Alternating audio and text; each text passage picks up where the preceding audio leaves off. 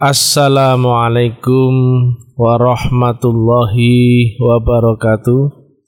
Om Swastiastu, Namo Buddhaya, Salam, salam kebajikan, salam taklim ma'rifat. Kajian ilmiah metafisika tasawuf Islam Kali ini adalah edisi yang ke-11 Yang kita kupas adalah kriteria menyembah tentang ini semua orang mengaku menyembah, ada yang disembah, tetapi kita ilmiahkan apa itu menyembah, siapa yang disembah, dan bagaimana teknis menyembah, termasuk juga parameter menyembah, variabel menyembah. Secara logika, menyembah dan disembah itu mestinya berhubungan dan seorang yang menyembah mestinya memberikan haknya kepada yang disembah itu melebihi apa yang menjadi haknya.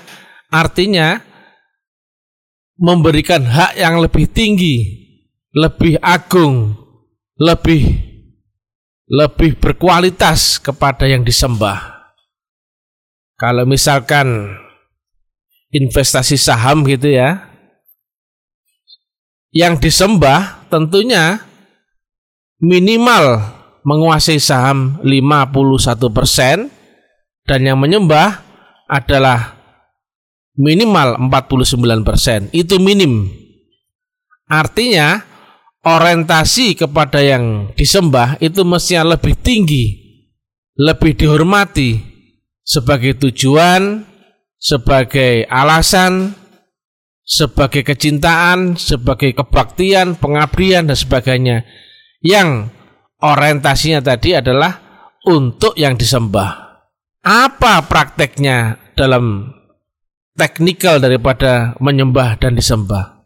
Kebanyakan orang, mindset orang, persembahan ini analognya disebut ibadah. Padahal belum tentu itu maka praktek menyembah adalah berupa sholat ataupun doa-doa dan sebagainya. Padahal endingnya nanti nggak harus berupa sholat saja. Ending daripada menyembah adalah totalitas sang penyembah berbakti kepada yang disembah. Di mana ayatnya itu? Inna sholati wa nusuki wa mamati wa mahyaya Sholatku, hidupku, seluruhnya aku baktikan kepadamu. Artinya, antara 49% dan 51% itu minimal. Sedangkan apa yang dibaktikan dalam prakteknya, itulah yang ketika kita urai, ternyata banyak manusia yang belum punya sesembahan. Mana buktinya? Tentunya pengorbanan, pengabdian, dan kebaktian itu ada wujud nyatanya yaitu dengan harta, pikiran, waktu dan tenaga. Itu patokan dasar. Apakah hartamu telah kau baktikan kepada yang kau sembah melebihi dirimu? Yaitu minimal 51% untuk dia dan 49 untuk kamu. Itu minimal. Apakah waktumu juga telah kau persembahkan 51% untuk dia dan 49 persennya untuk kamu. Tenagamu, pikiranmu. Demikianlah standar minimum daripada menyembah dan disembah. Sedangkan yang disembah pun engkau pun harus tahu ada kiblatnya. Jadi kita nggak menyembah angan-angan. Baktimu ke mana titik fokusnya? Ibarat menembak kalau nggak ada titik sasarannya, nggak mungkin kau bisa kena apa yang kau tuju. Nembak kucing, oh ada wujud kucingnya. Nembak sapi, oh ada sapinya. Nembak burung, ada burungnya. Lah kalau engkau mengaku menyembah Allah, ke mana arah pandanganmu atau baktimu atau pengabdianmu kepada siapa yang kau hadapkan itu? Wajahmu menghadap ke mana? Baktimu menghadap ke mana? Inilah jika kita urai, ternyata banyak manusia yang mengaku beriman, yang mengaku telah beribadah ternyata belum punya sesembahan dan belum bisa menyembah. Tadi syarat menyembah adalah minimal 49% untuk kamu dan lebih besar lagi adalah untuk yang kau sembah. Dan syarat yang kau sembah itu pun mesti ada tujuannya. Menghadapmu ke mana? Inilah makanya di rukun Islam di awal rukun Islam pertama kita diterangkan tentang wujud Allah. Mesti ada yang kau saksikan. Itulah titik fokus dalam engkau menyembah. Nah kalau engkau menyembah tapi nggak tahu menghadap ke mana, ah pasti sesat. Tuhanmu pun nggak tahu dan baktimu seperti apa pun nggak tahu. Dan ternyata kalau kita urai secara matematika, apakah waktumu telah minimal memenuhi standar 51% untuk yang kau sembah? Eh tidak. Nyatanya dari 100% waktumu engkau lebih banyak ngurusi urusanmu sendiri dan urusan apa-apa yang di sekitarmu, orang yang kau cintai, tanggunganmu dan sebagainya. Tuhanmu? Enggak. Tuhanmu aja nggak tahu. Baktimu ke mana pun nggak tahu. Ternyata kalau dihitung secara matematika, waktumu yang kau baktikan untuk Tuhan dalam tanda yang Tuhan yang nggak tahu, yang nggak kau tahu itu masih tidak lebih dari dua persen itu kias. Sedangkan yang telah berabdi, misalkan mengaku telah sholat dan sebagainya, berapa persen waktumu yang kau baktikan untuk Tuhanmu? Misalkan sholatmu selama lima menit atau enam menit lah, dikalikan lima, taruhlah tiga puluh menit, dibandingkan 3600 menit per harimu, berapa persen? Itu pun 6 menit waktu yang spesial. Berapa detik itu di antara 66 menit itu? Nyatanya engkau sholat pun banyak ngelamun loh tujuanmu nggak tahu hanya rutinitas hanya merasa ada kewajiban hanya rasanya menggugurkan kewajiban hanya seolah-olah mindset itulah yang dilakukan oleh orang Islam. Nah ini makanya. Demikian juga dengan pikiranmu tenagamu. Berapa persen kau pikirkan bakti pada Allah Ta'ala? Wong Allahnya aja nggak tahu.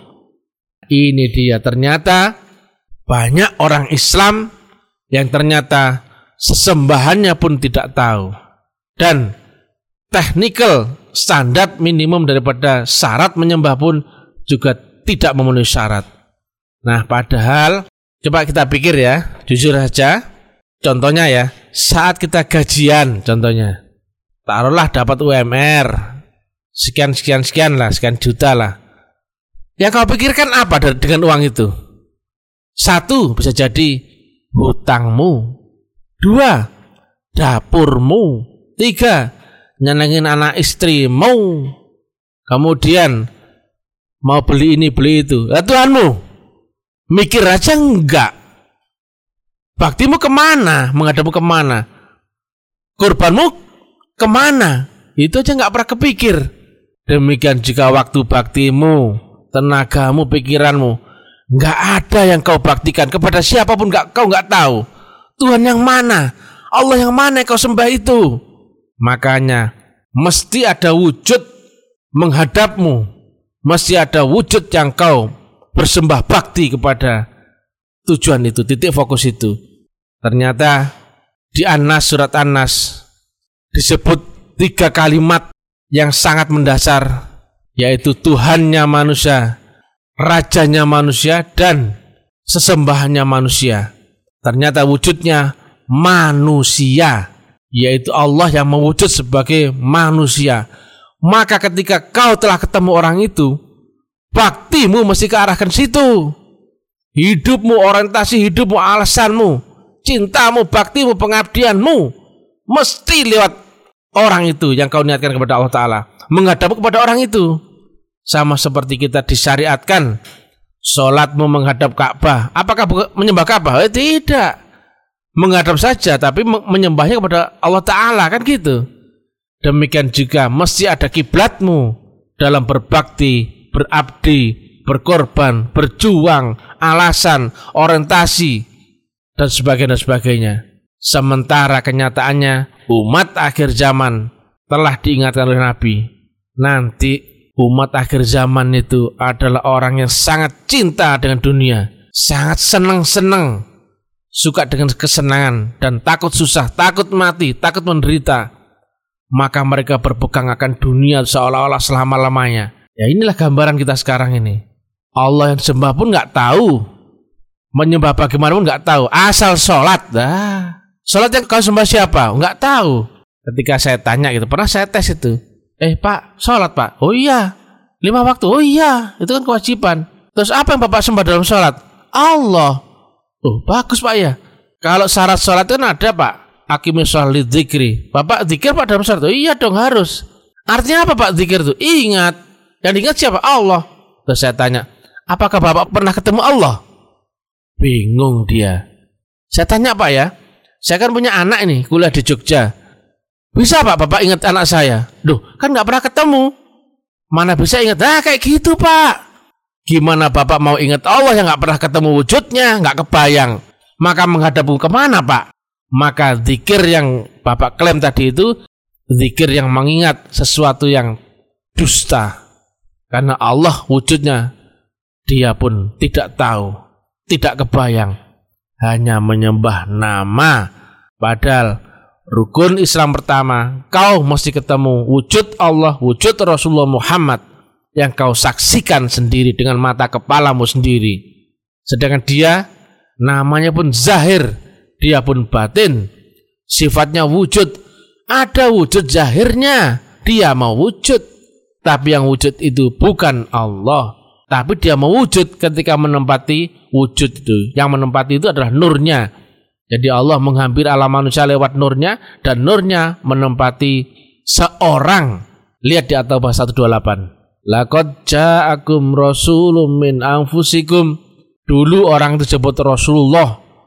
Nah, Rasulullah sama Nabi Muhammad sama Rasulullah Muhammad itu wujudnya sama tapi di dua gelombang yang berbeda wujudnya Allah wujudnya Rasulullah wujudnya Nabi Muhammad sama waktu itu karena Allah menghampiri alamnya manusia lewat nurnya. Nurnya itu yang mewakili daripada Allah itu sendiri yaitu fi'il sifat. Sedangkan nurnya ada yang membawa.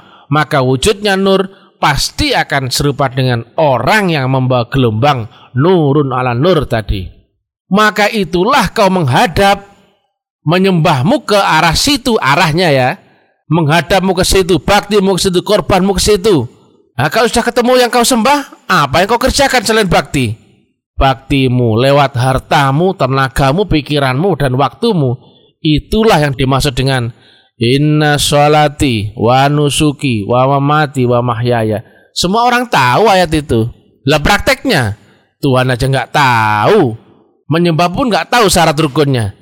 Kenyataannya, harta yang kau terima pun kau kantongi sendiri. Loh gitu kok nyembah.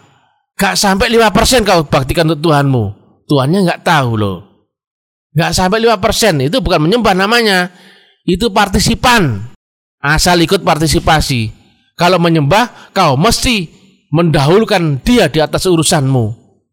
Besar baktimu kepada dia melebihi urusanmu sendiri urusi urusanku, maka akan aku urusi urusanmu. Selalu demikian. Jika ternyata kenyataannya hartamu untuk dirimu, waktumu yang untuk dirimu, pikiranmu untuk kamu juga. Berarti engkau tidak punya sesembahan, artinya kau tidak punya Tuhan. Itu saja. Walaupun ngakunya ini ini ini, aku udah iman, aku udah Islam, bel gedes. Itu kan lip service saja itu. Artinya hanya cerita, pengakuan, keyakinan, tapi tidak cocok dengan kenyataan real. Umat akhir zaman hampir semua orang tidak tahu ke mana menghadapkan dia menyembah. Allah yang mana? Nggak tahu, asal menghadap Ka'bah. Emangnya ada apa di Ka'bah? Itu Ka'bah kiblat jasmanimu, lagi kiblat rohanimu. Ke mana menghadap? Ya guru rohani dong rohani yang menghadap guru rohani, guru rohani yang menghantarkanmu mengenal yang maha rohani. Itu ilmiahnya. Maka wujudnya guru rohani ya jasmani, ya manusia.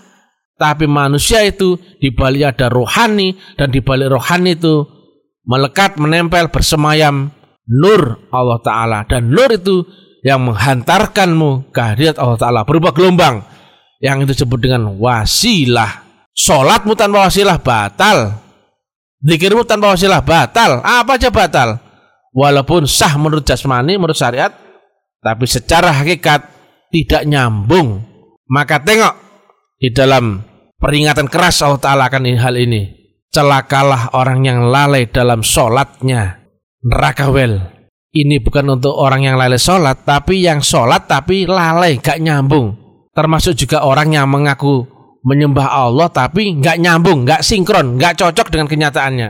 Itu ancaman keras buat umat akhir zaman. Jangan tengok kanan kiri, kanan kiri nggak ada yang dipercaya umat akhir zaman. Berangkatlah lewat dirimu sendiri. Kita harus memacu diri sendiri agar ketemu apa yang kriteria dia maksud Nabi. Ayat itu kan tadi, Inna sholati wa nusuki. Semua orang tahu. Lah prakteknya.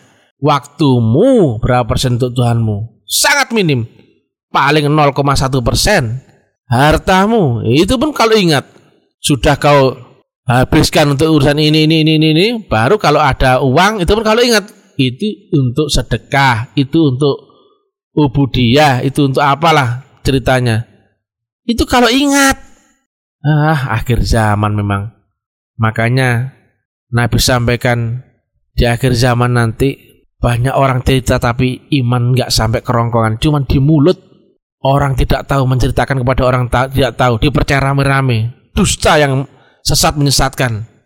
Mereka ini golongan banyak, tapi ibarat buih di lautan loh. Seperti santapan di atas meja yang disantap oleh musuh-musuhmu. Mereka banyak tapi tidak ada powernya, tidak ada potensinya. Karena gelombangmu gak nyambung. Karena engkau telah kehilangan nur daripada Allah Ta'ala imannya melesat bagian anak panah yang lepas dari busurnya. Artinya demikian cepatnya. Inilah gambaran akhir zaman. Kami hanya bisa mengingatkan bagi yang peka, bagi yang mencari, silahkan carilah Allah. Lah ibadah kan dikiranya hanya rutinitas asal sholat, zakat, puasa, haji. Kan itu. Ibadah itu mestinya engkau belajar pulang rohmu itu kepada Allah Ta'ala. Nah teknisnya memang lewat sholat dan sebagainya. Di balik itu ada metodologi. Lah gimana orang tahu syariat sholat misalkan sudah takbir sampai salam. Tapi kan nggak ada menerangkan bagaimana menyambungkan sholatmu ke Allah Ta'ala. Mana ada cerita itu? Gelombangmu berapa? Gelombang Allah berapa? Lewat mana? Siapa gurunya? Jalannya di mana? Variabelnya bagaimana? Kan nggak pernah ada ngupas. Asal sholat.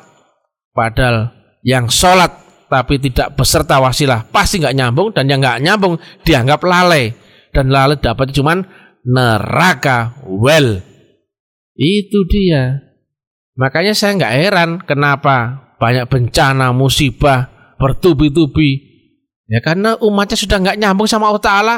Kalau kau berabdi kepada Allah Taala maka semesta pun tunduk kepadamu. Tapi kalau kau tidak berabdi kepada Allah Taala dan putus hubunganmu maka semesta pun menendang dirimu. Itu hukum. Tapi kami nggak takut apa pun keadaan zaman pasti menang. Karena beserta dengan zikrullah beserta dengan Allah Ta'ala. Tapi yang zikir nggak sembarangan.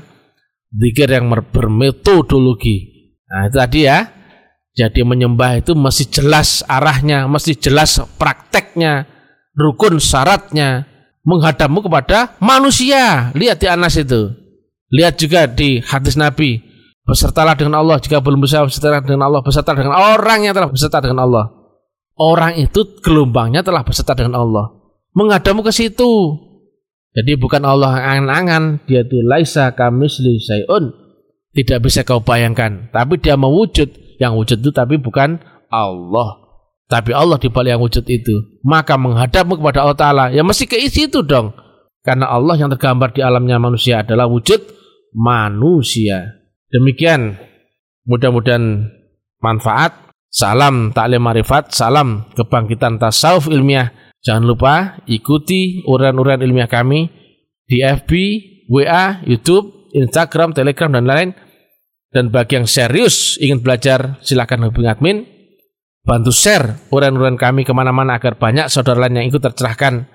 Pahami dulu menyembah dan disembah supaya kita nggak sia-sia hidupmu ini Jangan sampai kita sudah di dunia menderita, mati pun mati suul khotimah. Wah, neraka sudah. Kau harus tahu siapa yang kau sembah, harus tahu. Dan bagaimana caramu menyembah. Menyembah itu kau baktikan alasanmu, tujuanmu, orientasimu, kecintaanmu untuk yang kau sembah, melebihi dirimu sendiri. Itu mutlak. Maka hati-hati umat akhir zaman yang telah diingatkan Nabi, Islam akan menjadi asing. Maka kami ngomong gini, asing. Loh, menyembah kok diurai. Begitu saya urai, loh iya ya. Kok nggak sama dengan yang saya kerjakan selama ini ya? Nah itulah akhir zaman. Ilahi anta maksudi waridhaka marlubi. Wassalamualaikum warahmatullahi wabarakatuh.